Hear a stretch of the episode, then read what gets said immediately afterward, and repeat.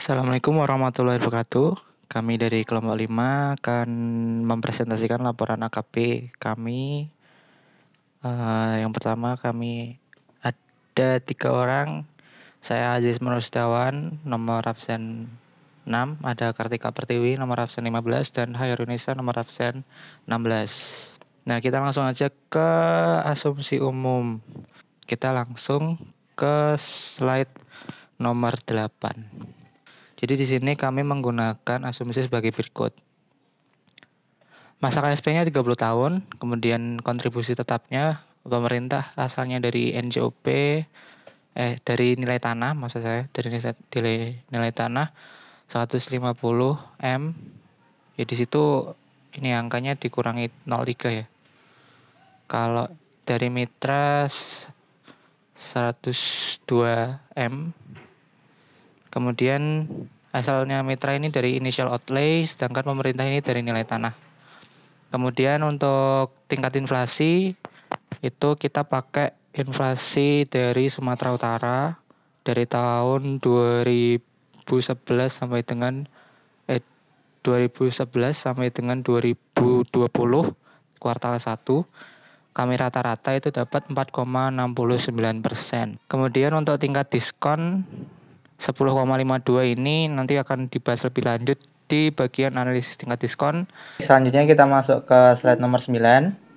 Initial outlay kita masukkan semua prakonstruksi, konstruksi, peralatan perlengkapan perizinan dengan jumlah 102 336 300 tambah 03 ya. Baik, selanjutnya kita masuk ke slide nomor 10.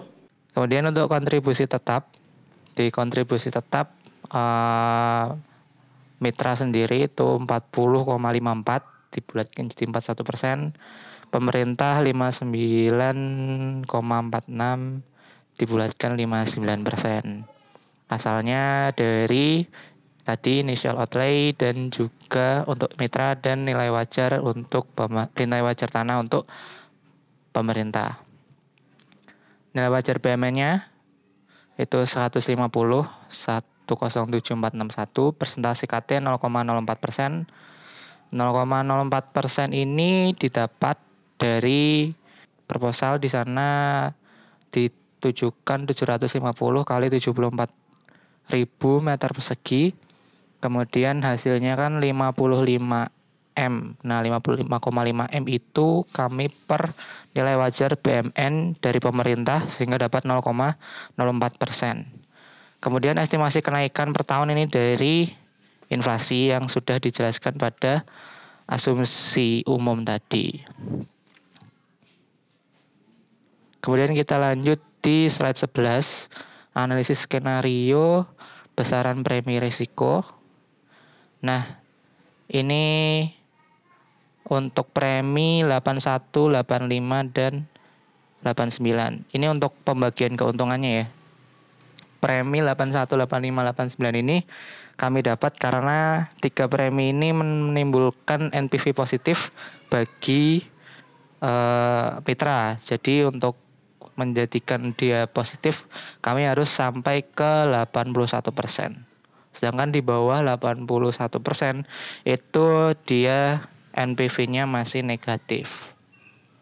Kemudian dengan premi 81 pemerintah tuh dapat pembagian keuntungan 11,3 mitra 88 mohon maaf ada motor lewat mitra 88,7 kemudian untuk NPV-nya 1M229 kemudian IRR-nya 10,62 PP-nya 11 tahun 6 sekitar 11 tahun uh, eh, 6 bulanan kemudian discounted payback periodnya 29 tahun. Kemudian untuk premi resiko 85%, pemerintah dapat 8,92 persen, mitra dapat 91,08 persen. Sedangkan untuk NPV-nya apa NPV-nya untuk ini dapat 4006 NPV-nya mitra ya ini ya dapat 4006 606 498 IRR-nya 10,87 persen PP-nya 11,19 dan discounted payback-nya 27,66 nggak berbeda jauh dengan premi resiko 81 karena ya memang nggak jauh banget persenannya. Kemudian premi resiko 89% dapat 6,5% pemerintah. 93,46 nya diambil mitra. NBV-nya 6 uh, 6 miliar 6783 631205 kemudian IRR-nya uh, dapat 11,10 PP-nya dapat 11 DPP-nya discounted payback-nya dapat 26 tahun. Kita masuk ke slide 12 ya. Kita ambil yang 89 karena margin mitra itu paling tinggi walaupun nggak sampai satu. Kalau kita lihat di slide sebelumnya, slide 11 tadi kan dapat IRR 11,1, sedangkan WACC yang kami pakai 10,52. Jadi apa selisihnya itu nggak sampai satu, satu persen, kecil banget ya. Kemudian dapat 30, 893, 230, 627 untuk pemerintah dan 40 441 miliar 423 145 ribu 973 untuk mitra. Sekarang di bagian ketiga itu merupakan bagian analisis. Di sini kita akan membahas hasil dari analisis proyeksi laba rugi dan juga arus kas yang sudah dilakukan oleh kelompok kami. Sekarang kita akan masuk ke slide 14. Jadi, kan pendapatan, sumber pendapatan dari stand kargo center Medan itu kan berasal dari sewa gudang dan juga sewa kantin yang ada di area pergudangan. Untuk mencari rent fee-nya yang diajukan itu tuh sekitar 391.000 391.000 per meter persegi setiap tahunnya. Hal ini didasarkan pada survei harga sewa yang diperoleh dari beberapa situs online. Renvi sewa gudang di daerah sekitaran Binjai itu tuh berada di sekitar antara harga 100.000 hingga 550.000 tergantung dari kondisi gudangnya. Dari data yang sudah dikumpulkan oleh tim penilai memutuskan untuk menggunakan tiga data pembanding yang berada paling dekat objeknya dengan KSP, yaitu gudang yang terletak di Jalan Binjai, kilometer 8 dan juga kilometer 11,8. Pada kilometer 8 yang pertama setelah dilakukan penyesuaian harga per meter perseginya menjadi 500.000. Terus untuk harga kilometer 8 yang kedua harga penyesuaian untuk harga pasar per gudang gudang adalah sebesar 450.000 serta pada kilometer 11,8 harga per meter perseginya setelah disesuaikan sebesar 224.175. Kemudian di rata-rata sehingga menjadi harganya 391 Sedangkan untuk harga pasar untuk kantin per meter perseginya kita menggunakan tiga lokasi. Yang pertama adalah lokasi di Binjai, Jalan Ahmad Yani, dan juga Jalan Jenderal Sudirman. Untuk yang ada di lokasi kota Binjai, per meter perseginya setelah disesuaikan sebesar Rp623.750.000, sedangkan di Jalan Ahmad Yani menjadi Rp605.769.000, sedangkan di Jalan Jenderal Sudirman sebesar Rp351.562, sehingga setelah dilakukan rata-rata harga pasar per meter perseginya untuk kantin sebesar Rp527.027. Sekarang kita akan masuk ke slide nomor 15. Jadi kenaikan per tahunnya. Tim penilai itu mengajukan kenaikan per tahun sebesar 6% yang sudah didasarkan atas tingkat pertumbuhan industri pergudangan yang ada di Indonesia. Berdasarkan data yang sudah dikumpulkan oleh tim penilai dari tahun 2016 hingga tahun 2020, maka rata-rata pertumbuhan sektor pergudangan di Indonesia sebesar 8,48 persen. Lalu dikutip dari Kompas, kenaikan harga pergudangan meningkat secara empat tahunan sebanyak 7 persen. Kemudian tim penilai berpendapat bahwa pertumbuhan nasional dapat dijadikan dasar untuk menentukan tingkat kenaikan per tahun, namun dengan penyesuaian sehingga kenaikan sewa per tahun ditentukan menjadi 6 persen.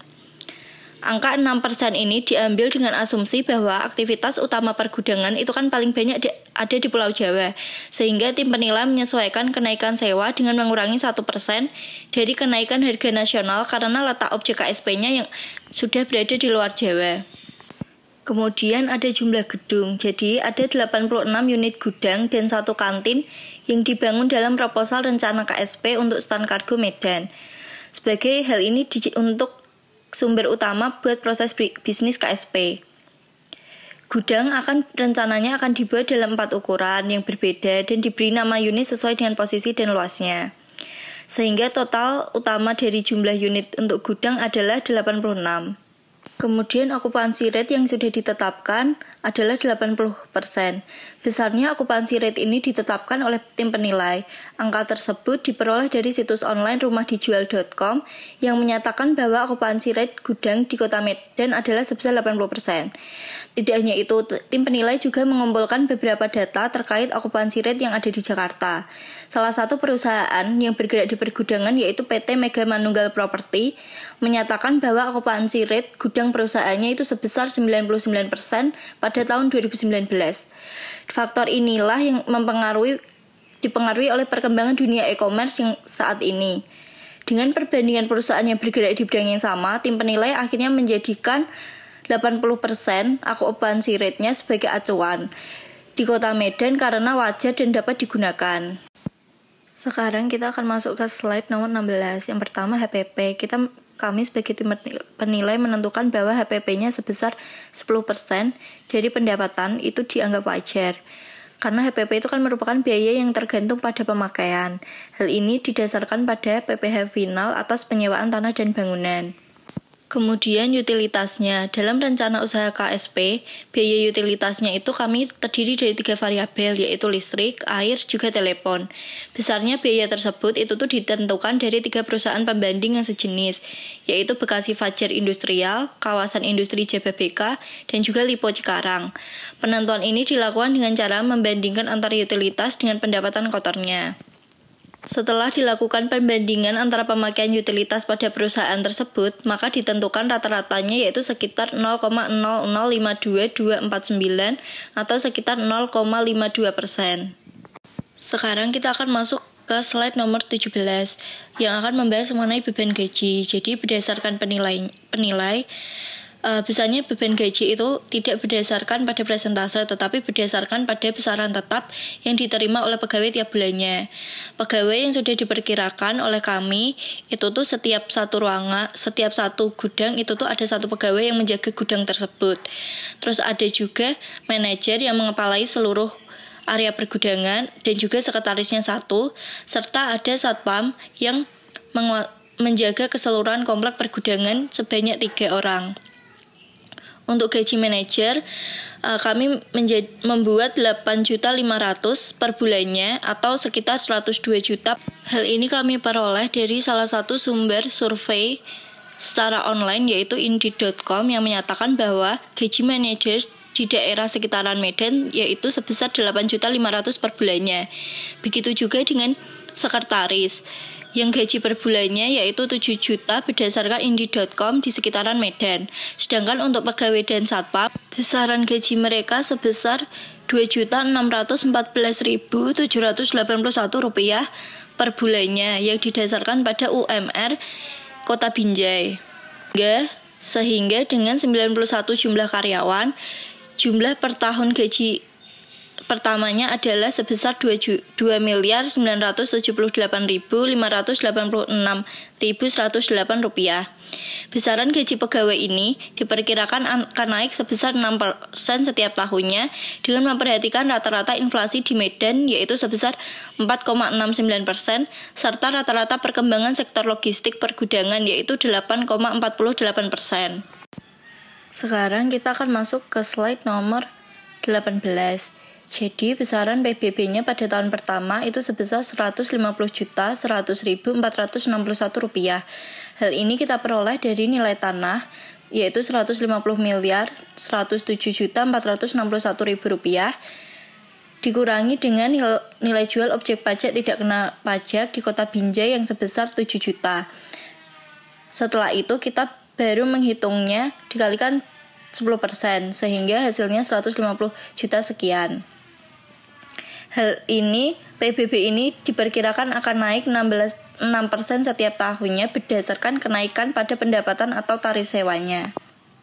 Kemudian ada juga beban lain-lain. Jadi beban lain-lain ini uh, merupakan biaya biaya tambahan. Kami menjadikan 5 juta setiap tahunnya tanpa memiliki pertumbuhan tiap tahun. Itu asumsinya. Sekarang akan masuk pada slide nomor 19. Jadi kan berdasarkan analisis besaran dan asumsi terkait pendapatan dan beban, tim akhirnya menyesuaikan proyeksi untuk laba rugi dan juga arus kas bersih proposal rencana usaha KSP. Berdasarkan proyeksi laba rugi, dapat diketahui bahwa proyek mulai memperoleh laba pada tahun pertama dengan total net income yang diperoleh per, dari pergudangan stand kargo selama masa KSP yaitu sebesar 566 miliar 363 496 119 rupiah. Hal ini didapat dari pendapatan, dari pendapatan baik dari sewa gudang maupun sewa kantin. Di total, setelah itu dikurangin oleh HPP-nya yang sebesar 10% tadi. Lalu ketemulah gross profitnya. Kemudian gross profit tersebut akan dikurangi dengan beban-beban baik beban variabel maupun beban tetapnya. Setelah itu ketemulah EBITDA.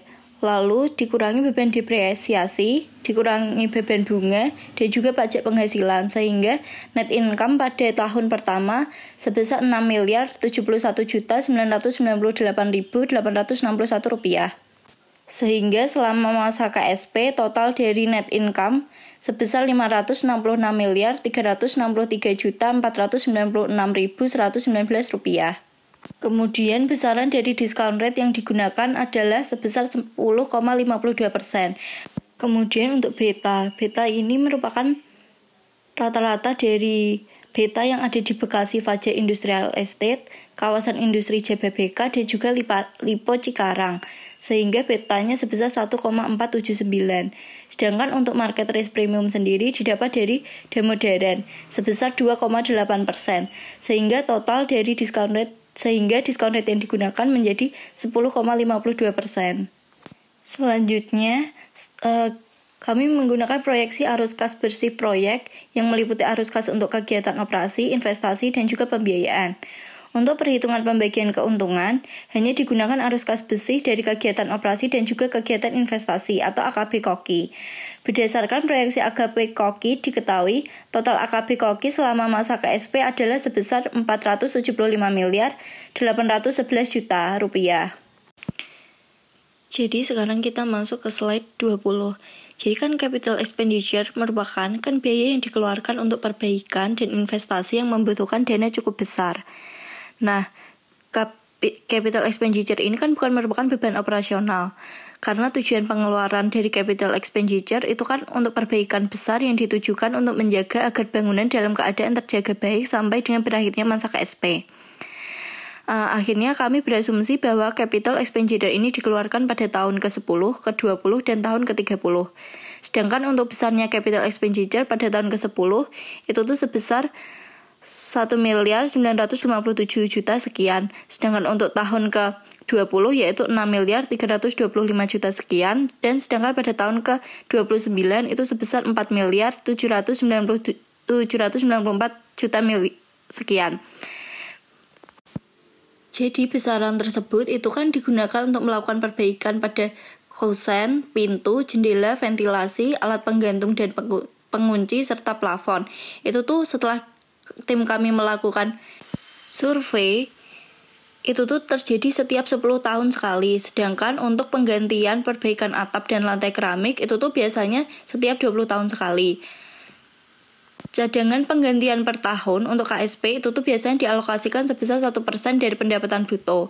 Akhirnya, pada masa akhir KSP, hal ini tuh didistribusikan antara pemerintah sama mitra berdasarkan pada persentase pembagian keuntungan yang telah dihitung.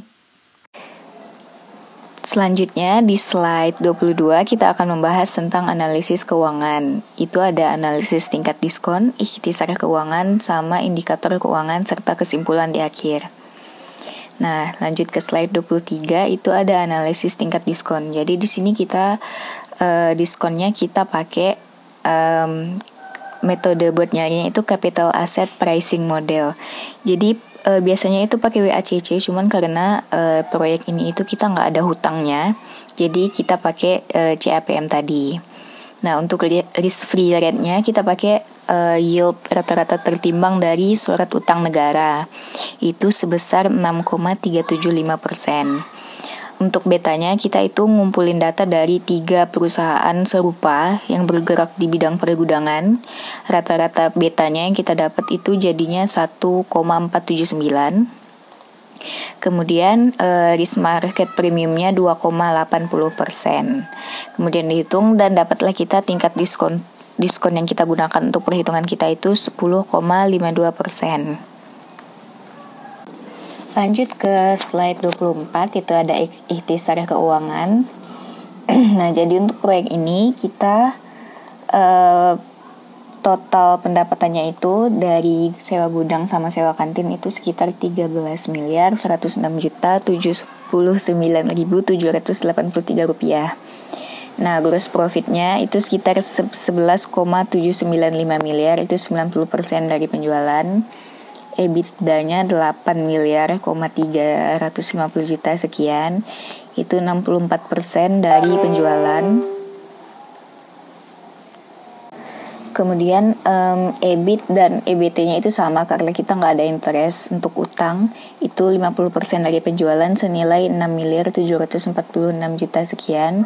Terus net income-nya adalah 6 miliar 71 juta sekian. Itu 46% dari penjualan. Kemudian kita juga udah uh, hitung cash flow-nya itu untuk arus kas bersih kegiatan operasional kegiatan investasinya itu 7 miliar 739 juta sekian itu 59% dari total penjualan. Selanjutnya ada indikator keuangan proyek. Nah, kita di sini kan sudah tahu uh, diskonnya tadi 10,52%. Nah, dengan diskon itu uh, dengan tingkat diskon 10,52% dan jangka waktunya 30 tahun. NPV yang kita dapat itu untuk proyeknya 15 miliar 185 juta 187.406. Uh, NPV-nya positif jadi diterima. Terus IRR-nya itu 11,81 persen, lebih tinggi dari tingkat diskonnya. Uh, bagus juga. Terus payback periodnya 10,35 tahun dan discounted payback periodnya 23,25 tahun. Next ke slide 26 itu ada PV buat pemerintahnya. Uh, jadi di sini kita ada tiga premi diskon 81%, 85% sama 89%. Kenapa? Kenapa angka itu yang diambil? Karena tiga angka ini itu uh, adalah titik di mana si NPV uh, untuk mitra itu positif. Nah, jadi kita ambil um, premi premi risikonya yang uh, simitranya udah positif karena kita nggak ada ngeluarin dana kan. Jadi kita harus mempertimbangkan uh, mitranya yang terutama karena dananya sepenuhnya dari mitra. Nah, dengan premi risiko 81%, PV untuk pemerintah itu 13 miliar. Kalau premi risikonya 85%, 10 miliar, kalau 89% itu 7 miliar. Next ke slide 27 itu ada indikator keuangan untuk si mitranya. Nah, ini uh, untuk premi risiko 81%. Uh, NPV-nya uh, semuanya positif. Uh, kalau yang 81% premi risikonya uh, NPV-nya 1,229 miliar, IRR-nya 10,62%. Nah ini uh, bedanya dikit banget sama uh, diskontonya 10,52 persen. Nah ini marginnya sangat kecil. Terus payback periodnya 11,61 tahun, discountednya 29,32 tahun. Next ke um, slide 28, kalau premi risikonya 85%, 85% lebih besar lagi. Nah, NBV-nya naik jadi 4 miliar, IRR-nya juga naik jadi lebih besar 10,87 jadi marginnya juga naik. Margin untuk mitranya. Payback periodnya 11,18, discounted payback periodnya 27,66 tahun. Next ke slide 29 premi risikonya lebih tinggi lagi 89% untuk mitra. Nah, NPV-nya 6,783 miliar untuk mitra. Dan IRR-nya juga pasti lebih besar 11,10%, marginnya juga otomatis naik. Payback period-nya lebih pendek, discounted payback period-nya juga lebih pendek. Nah, lanjut ke slide 30. Jadi kesimpulannya dari tiga alternatif premi risiko tadi, um, uh, eh, NPV-nya itu semuanya positif. Terus untuk mitra, terus payback period yang diperkirakan sesuai dengan harapan pemerintah dan wajar untuk investor. Namun uh, margin yang dihasilkan dari uh, dari perhitungan tadi itu sangat kecil. Jadi untuk untuk dengan premi 81%, marginnya hanya 0,11%. Kalau preminya 85%, marginnya 0,35%. Kalau preminya 89%, marginnya 0,59%. Nah, jadi marginnya ini sangat kecil bahkan tidak sampai 1%. Untuk itu kami um, um, menyarankan jika uh, proyek ini proposalnya bisa dijalankan karena NPV dan indikator keuangan lainnya bagus namun marginnya sangat kecil sehingga jika mitra jika pun mitra mau risiko uh, yang ada pada proyek ini untuk dilanjutkan itu sangat-sangat tinggi. Jadi investornya itu harus yang risk taker banget atau yang seperti apa karena risikonya tadi sangat tinggi untuk ditanggung oleh mitra. Baik uh, itu saja. Sekian dari saya Assalamualaikum warahmatullahi wabarakatuh. Kami dari kelompok 5 akan mempresentasikan laporan AKP kami. Uh, yang pertama kami ada tiga orang. Saya Aziz Merustawan, nomor absen 6. Ada Kartika Pertiwi, nomor absen 15. Dan Hairunisa, nomor absen 16. Nah, kita langsung aja ke asumsi umum. Kita langsung ke slide nomor 8. Jadi di sini kami menggunakan asumsi sebagai berikut. Masa KSP-nya 30 tahun, kemudian kontribusi tetapnya pemerintah asalnya dari NJOP eh dari nilai tanah maksud saya dari nilai, nilai tanah 150 M. Ya di situ ini angkanya dikurangi 03 ya. Kalau dari mitra 102 M Kemudian asalnya mitra ini dari initial outlay, sedangkan pemerintah ini dari nilai tanah. Kemudian untuk tingkat inflasi itu kita pakai inflasi dari Sumatera Utara dari tahun 2011 sampai dengan eh 2011 sampai dengan 2020 kuartal 1 kami rata-rata itu dapat 4,69 persen. Kemudian untuk tingkat diskon 10,52 ini nanti akan dibahas lebih lanjut di bagian analisis tingkat diskon. Selanjutnya kita masuk ke slide nomor 9. Initial outlay kita masukkan semua prakonstruksi, konstruksi, peralatan perlengkapan perizinan dengan jumlah 102 336 300 tambah 03 ya. Baik, selanjutnya kita masuk ke slide nomor 10. Kemudian untuk kontribusi tetap di kontribusi tetap uh, mitra sendiri itu 40,54 dibulatkan jadi 41 persen. Pemerintah 59,46 dibulatkan 59 persen. Asalnya dari tadi initial outlay dan juga untuk mitra dan nilai wajar untuk nilai wajar tanah untuk pemerintah. Nilai wajar BMN-nya itu 150, 1 107461 persentase KT 0,04 persen. 0,04 persen ini didapat dari proposal di sana ditujukan 750 kali 74 ribu meter persegi. Kemudian hasilnya kan 55 M. Nah, 55,5 M itu kami per nilai wajar BMN dari pemerintah sehingga dapat 0,04 persen. Kemudian estimasi kenaikan per tahun ini dari inflasi yang sudah dijelaskan pada asumsi umum tadi. Kemudian kita lanjut di slide 11. analisis skenario, besaran premi risiko. Nah, ini untuk premi 81, 85 dan 89. Ini untuk pembagian keuntungannya ya. Premi 81, 85, 89 ini kami dapat karena tiga premi ini menimbulkan NPV positif bagi uh, mitra. Jadi untuk menjadikan dia positif kami harus sampai ke 81%. Sedangkan di bawah 81% itu dia NPV-nya masih negatif.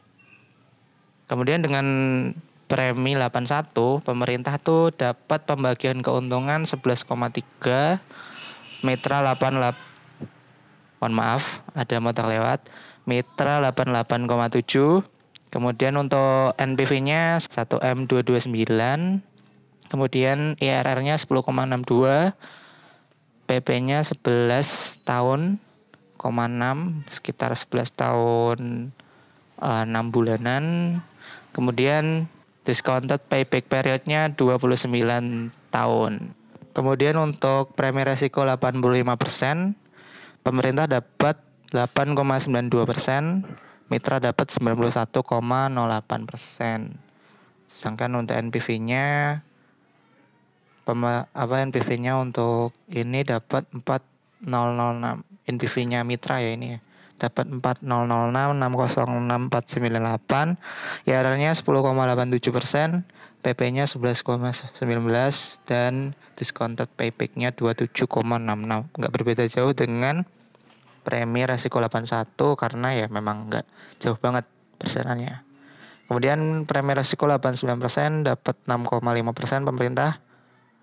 93,46 nya diambil mitra NPV-nya 6 uh, 6 miliar 6783 631205 kemudian IRR-nya uh, dapat 11,10 PP-nya dapat 11 DPP-nya discounted payback-nya dapat 26 tahun. Kita masuk ke slide 12 ya. Kita ambil yang 89 karena margin mitra itu paling tinggi walaupun nggak sampai satu kalau kita lihat di slide sebelumnya, slide 11 tadi kan dapat IRR 11,1, sedangkan WACC yang kami pakai 10,52. Jadi apa selisihnya itu nggak sampai satu, satu persen, kecil banget ya. Kemudian dapat 30, 893, 230, 627 untuk pemerintah dan 40 441 miliar 4 123 145 ribu 973 untuk mitra. Sekarang di bagian ketiga itu merupakan bagian analisis. Di sini kita akan membahas hasil dari analisis proyeksi laba rugi dan juga arus kas yang sudah dilakukan oleh kelompok kami. Sekarang kita akan masuk ke slide 14. Jadi, kan pendapatan, sumber pendapatan dari stand kargo center Medan itu kan berasal dari sewa gudang dan juga sewa kantin yang ada di area pergudangan. Untuk mencari rent nya yang diajukan itu tuh sekitar 391.391.000 per meter persegi setiap tahunnya. Hal ini didasarkan pada survei harga sewa yang diperoleh dari beberapa situs online. Renvi sewa gudang di daerah sekitaran Binjai itu tuh berada di sekitar antara harga 100.000 hingga 550.000 tergantung dari kondisi gudangnya. Dari data yang sudah dikumpulkan oleh tim penilai memutuskan untuk menggunakan tiga data pembanding yang berada paling dekat objeknya dengan KSP, yaitu gudang yang terletak di Jalan Binjai, kilometer 8 dan juga kilometer 11,8. Pada kilometer 8 yang pertama setelah dilakukan penyesuaian harga per meter perseginya menjadi 500.000. Terus untuk harga kilometer 8 yang kedua harga penyesuaian untuk harga pasar per gudang gudang adalah sebesar 450.000 serta pada kilometer 11,8 harga per meter perseginya setelah disesuaikan sebesar 224.175. Kemudian di rata-rata sehingga menjadi harganya 391 Sedangkan untuk harga pasar untuk kantin per meter perseginya, kita menggunakan tiga lokasi. Yang pertama adalah lokasi di Binjai, Jalan Ahmad Yani, dan juga Jalan Jenderal Sudirman. Untuk yang ada di lokasi kota Binjai, per meter perseginya setelah disesuaikan sebesar Rp623.750.000, sedangkan di Jalan Ahmad Yani menjadi Rp605.769.000, sedangkan di Jalan Jenderal Sudirman sebesar Rp351.562, sehingga setelah dilakukan rata-rata, harga pasar per meter perseginya untuk kantin sebesar Rp527.027. Sekarang kita akan masuk ke slide nomor 15. Jadi kenaikan per tahunnya. Tim penilai itu mengajukan kenaikan per tahun sebesar 6% yang sudah didasarkan atas tingkat pertumbuhan industri pergudangan yang ada di Indonesia. Berdasarkan data yang sudah dikumpulkan oleh tim penilai dari tahun 2016 hingga tahun 2020, maka rata-rata pertumbuhan sektor pergudangan di Indonesia sebesar 8,48 persen. Lalu dikutip dari Kompas, kenaikan harga pergudangan meningkat secara empat tahunan sebanyak 7 persen. Kemudian tim penilai berpendapat bahwa pertumbuhan nasional dapat dijadikan dasar untuk menentukan tingkat kenaikan per tahun, namun dengan penyesuaian sehingga kenaikan sewa per tahun ditentukan menjadi 6 persen. Angka 6% ini diambil dengan asumsi bahwa aktivitas utama pergudangan itu kan paling banyak di, ada di Pulau Jawa, sehingga tim penilai menyesuaikan kenaikan sewa dengan mengurangi 1% dari kenaikan harga nasional karena letak objek KSP-nya yang sudah berada di luar Jawa. Kemudian ada jumlah gedung, jadi ada 86 unit gudang dan satu kantin yang dibangun dalam proposal rencana KSP untuk stand kargo Medan. Sebagai hal ini untuk sumber utama buat proses bisnis KSP. Gudang akan rencananya akan dibuat dalam empat ukuran yang berbeda dan diberi nama unit sesuai dengan posisi dan luasnya. Sehingga total utama dari jumlah unit untuk gudang adalah 86. Kemudian okupansi rate yang sudah ditetapkan adalah 80%. Besarnya okupansi rate ini ditetapkan oleh tim penilai. Angka tersebut diperoleh dari situs online rumahdijual.com yang menyatakan bahwa okupansi rate gudang di Kota Medan adalah sebesar 80%. Tidak hanya itu, tim penilai juga mengumpulkan beberapa data terkait okupansi rate yang ada di Jakarta. Salah satu perusahaan yang bergerak di pergudangan yaitu PT Mega Manunggal Property menyatakan bahwa okupansi rate gudang perusahaannya itu sebesar 99% pada tahun 2019. Faktor inilah yang mempengaruhi dipengaruhi oleh perkembangan dunia e-commerce yang saat ini. Dengan perbandingan perusahaan yang bergerak di bidang yang sama, tim penilai akhirnya menjadikan 80% okupansi rate-nya sebagai acuan di kota Medan karena wajar dan dapat digunakan. Sekarang kita akan masuk ke slide nomor 16. Yang pertama HPP. Kita kami sebagai tim penilai menentukan bahwa HPP-nya sebesar 10% dari pendapatan itu dianggap wajar. Karena HPP itu kan merupakan biaya yang tergantung pada pemakaian. Hal ini didasarkan pada PPh final atas penyewaan tanah dan bangunan. Kemudian utilitasnya. Dalam rencana usaha KSP, biaya utilitasnya itu kami terdiri dari tiga variabel, yaitu listrik, air, juga telepon. Besarnya biaya tersebut itu tuh ditentukan dari tiga perusahaan pembanding yang sejenis, yaitu Bekasi Fajar Industrial, Kawasan Industri Jababeka, dan juga Lipo Cikarang. Penentuan ini dilakukan dengan cara membandingkan antara utilitas dengan pendapatan kotornya. Setelah dilakukan pembandingan antara pemakaian utilitas pada perusahaan tersebut, maka ditentukan rata-ratanya yaitu sekitar 0,0052249 atau sekitar 0,52 persen. Sekarang kita akan masuk ke slide nomor 17 yang akan membahas mengenai beban gaji. Jadi berdasarkan penilai penilai uh, misalnya beban gaji itu tidak berdasarkan pada presentase tetapi berdasarkan pada besaran tetap yang diterima oleh pegawai tiap bulannya. Pegawai yang sudah diperkirakan oleh kami itu tuh setiap satu ruangan, setiap satu gudang itu tuh ada satu pegawai yang menjaga gudang tersebut.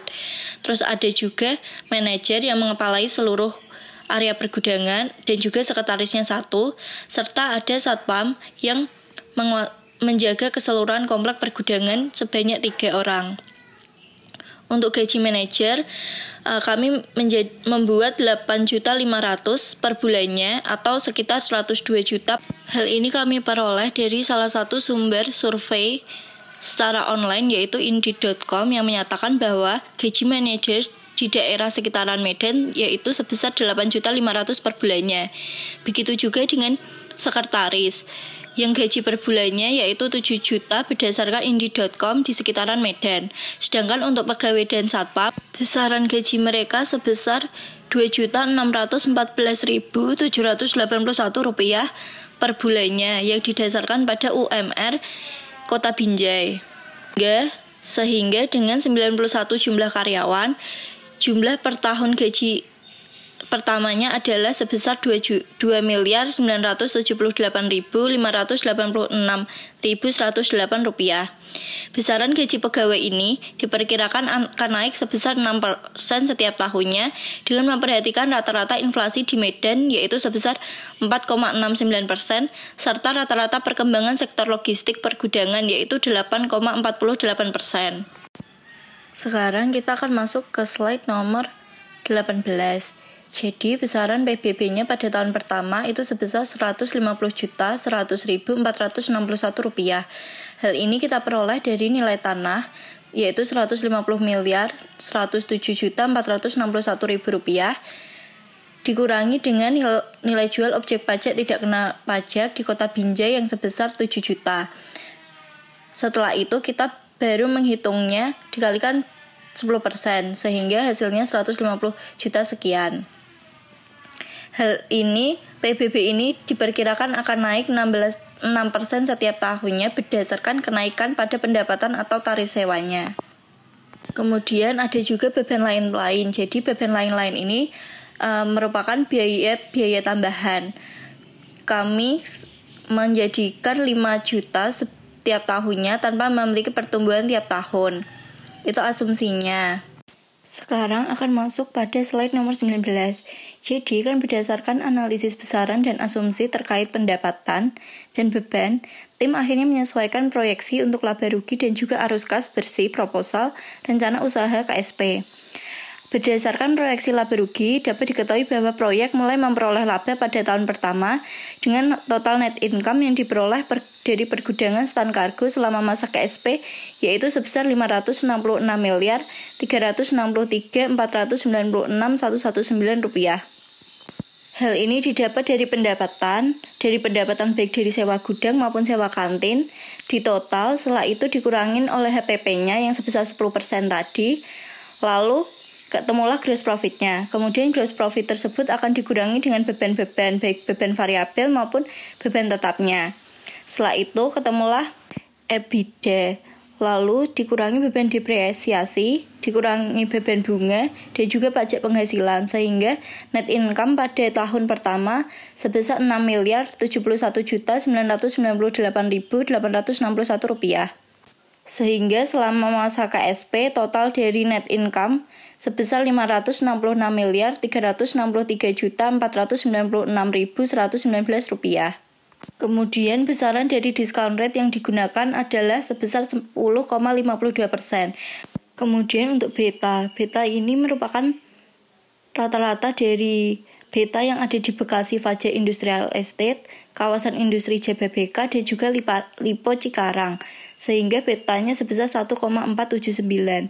Sedangkan untuk market risk premium sendiri didapat dari Demodern sebesar 2,8%, sehingga total dari diskon rate sehingga diskon rate yang digunakan menjadi 10,52%. Selanjutnya, uh, kami menggunakan proyeksi arus kas bersih proyek yang meliputi arus kas untuk kegiatan operasi, investasi, dan juga pembiayaan.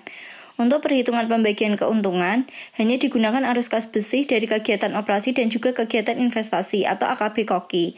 Berdasarkan proyeksi AKB KOKI diketahui total AKB KOKI selama masa KSP adalah sebesar 475 miliar 811 juta rupiah.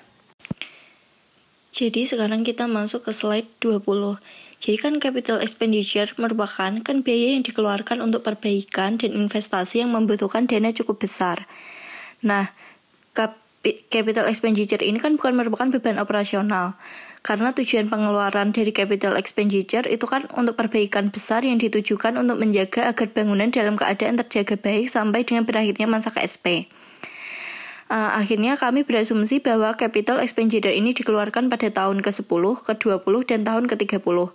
Sedangkan untuk besarnya capital expenditure pada tahun ke-10 itu tuh sebesar 1 miliar 957 juta sekian. Sedangkan untuk tahun ke 20 yaitu 6 miliar 325 juta sekian dan sedangkan pada tahun ke-29 itu sebesar 4 miliar 790 794 juta mili sekian. Jadi besaran tersebut itu kan digunakan untuk melakukan perbaikan pada kusen, pintu, jendela, ventilasi, alat penggantung dan pengunci serta plafon. Itu tuh setelah tim kami melakukan survei itu tuh terjadi setiap 10 tahun sekali. Sedangkan untuk penggantian perbaikan atap dan lantai keramik itu tuh biasanya setiap 20 tahun sekali.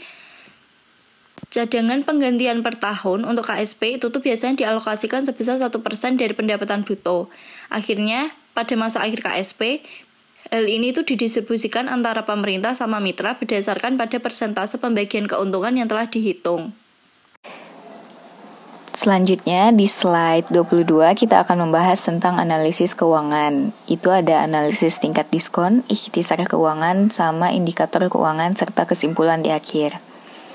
Nah, lanjut ke slide 23 itu ada analisis tingkat diskon. Jadi di sini kita uh, diskonnya kita pakai um, metode buat nyarinya itu capital asset pricing model.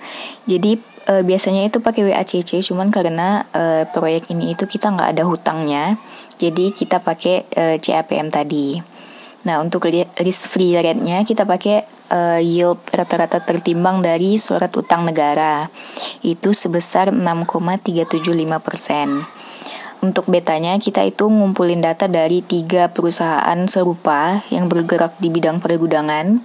Rata-rata betanya yang kita dapat itu jadinya 1,479. Kemudian uh, risk market premiumnya 2,80 persen. Kemudian dihitung dan dapatlah kita tingkat diskon diskon yang kita gunakan untuk perhitungan kita itu 10,52 persen. Lanjut ke slide 24 itu ada ikhtisar keuangan. nah, jadi untuk proyek ini kita uh, total pendapatannya itu dari sewa gudang sama sewa kantin itu sekitar 13 miliar 106 juta 79.783 rupiah.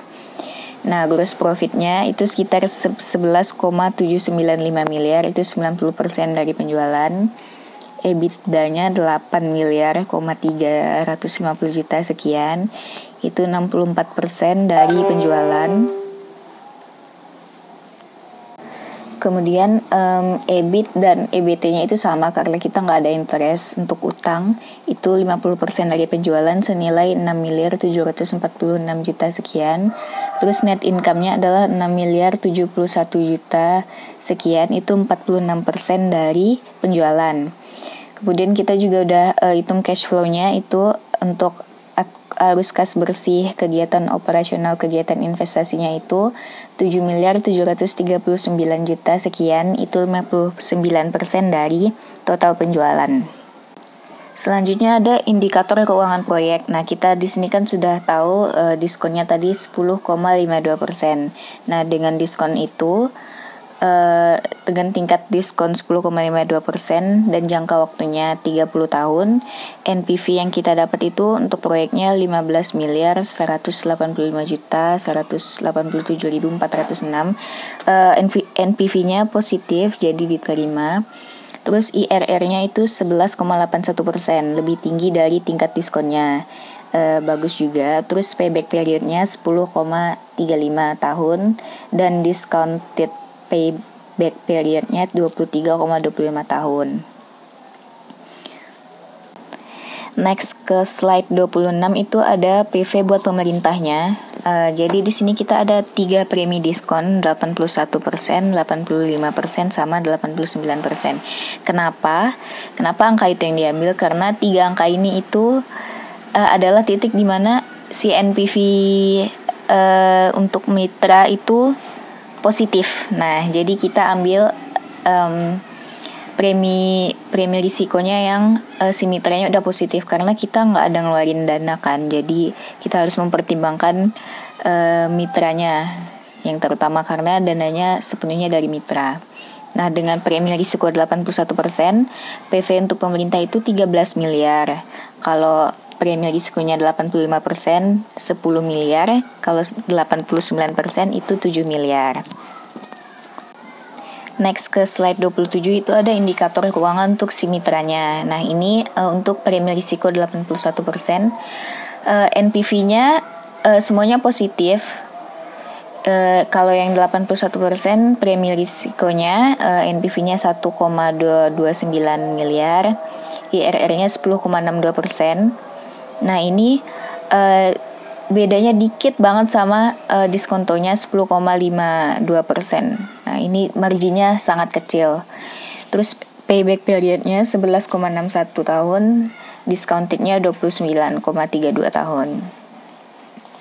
Next ke um, slide 28, kalau premi risikonya 85%, 85% lebih besar lagi.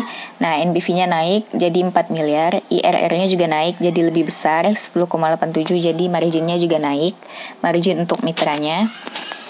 Payback periodnya 11,18, discounted payback periodnya 27,66 tahun. Next ke slide 29 premi risikonya lebih tinggi lagi 89% untuk mitra.